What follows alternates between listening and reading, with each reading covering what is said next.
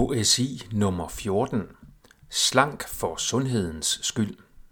Slank er ligesom søvn og stress en af de holistiske sundhedsfaktorer, der begynder med S. Det er dog ikke altid sundt at være slank, ligesom det ikke altid er usundt at være overvægtig. Det afhænger af årsagerne til, at vægten er, som den er. Det er for eksempel ikke sundt at være slank, hvis man er slank, fordi man er storryger.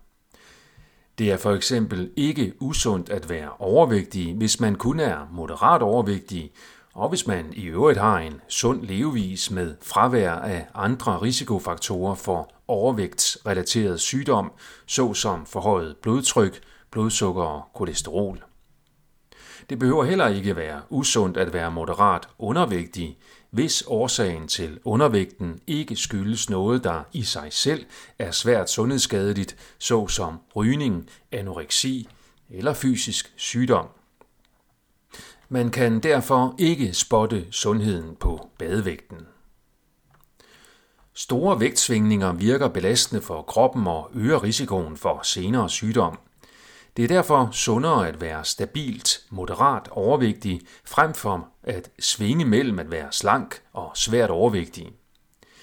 De usunde vægtstigninger sker sædvanligvis, fordi man prøver at tabe sig ved hjælp af en eller anden form for uholdbar slankekur, i stedet for at finde en stabil slankekurs.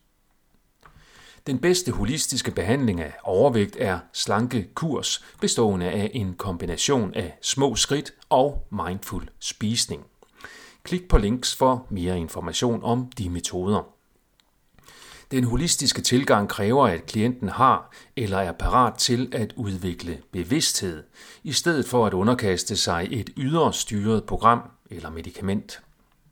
Strategien er at fjerne årsagerne til overvægten levevis og mindset, og tillade vægten at finde et nyt stabilt leje over tid. Med hensyn til tiden, så er det vigtigt at huske på, hvor længe overvægten har været om at indtræde og sætte sig, så man får realistiske og tålmodige forventninger til vægttabets tempo. Hastværk er som bekendt lastværk, især i behandlingen af overvægt. Ligevægt er en anden tilgang til håndtering af overvægt. Her er målet slet ikke vægttab, men udelukkende sundhed og nedbringelse af risiko for sygdom. Målet er, at vægten stabiliseres, så en eventuel igangværende vægtøgning bremses. Det kræver ændringer i vaner og levevis i form af små skridt. Ligevægtmetoden går også ud på at håndtere de mentale og sociale følger af overvægt i et diskriminerende samfund, hvorved vægtrelateret stress kan reduceres med øget sundhed til følge. Slankekurs og ligevægt kan med fordel kombineres, i det ligevægt kan betragtes som en mild slankekurs eller den første fase af en langsigtet, effektiv slankekurs. Det er under alle omstændigheder vigtigt at forstå, at slank ikke er en adfærd, der direkte kan kontrolleres, i modsætning til for eksempel kost og motion. Slank er et konstrueret begreb, der dækker over både noget objektivt, vægten og fedtdepoternes størrelse, og noget subjektivt, hvordan man har det med sin krop. Hvis man har det psykisk dårligt med sin krop, så er det ikke sikkert, at selv verdens største vægttab kan forbedre den mentale sundhed.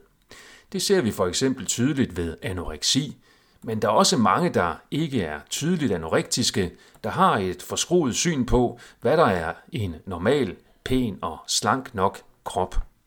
Det er derfor vigtigt at finde ud af, hvorvidt den enkeltes oplevelse af at være ikke slank skyldes noget objektivt eller noget subjektivt, der hjælp der kræver inspiration i forskellige retninger.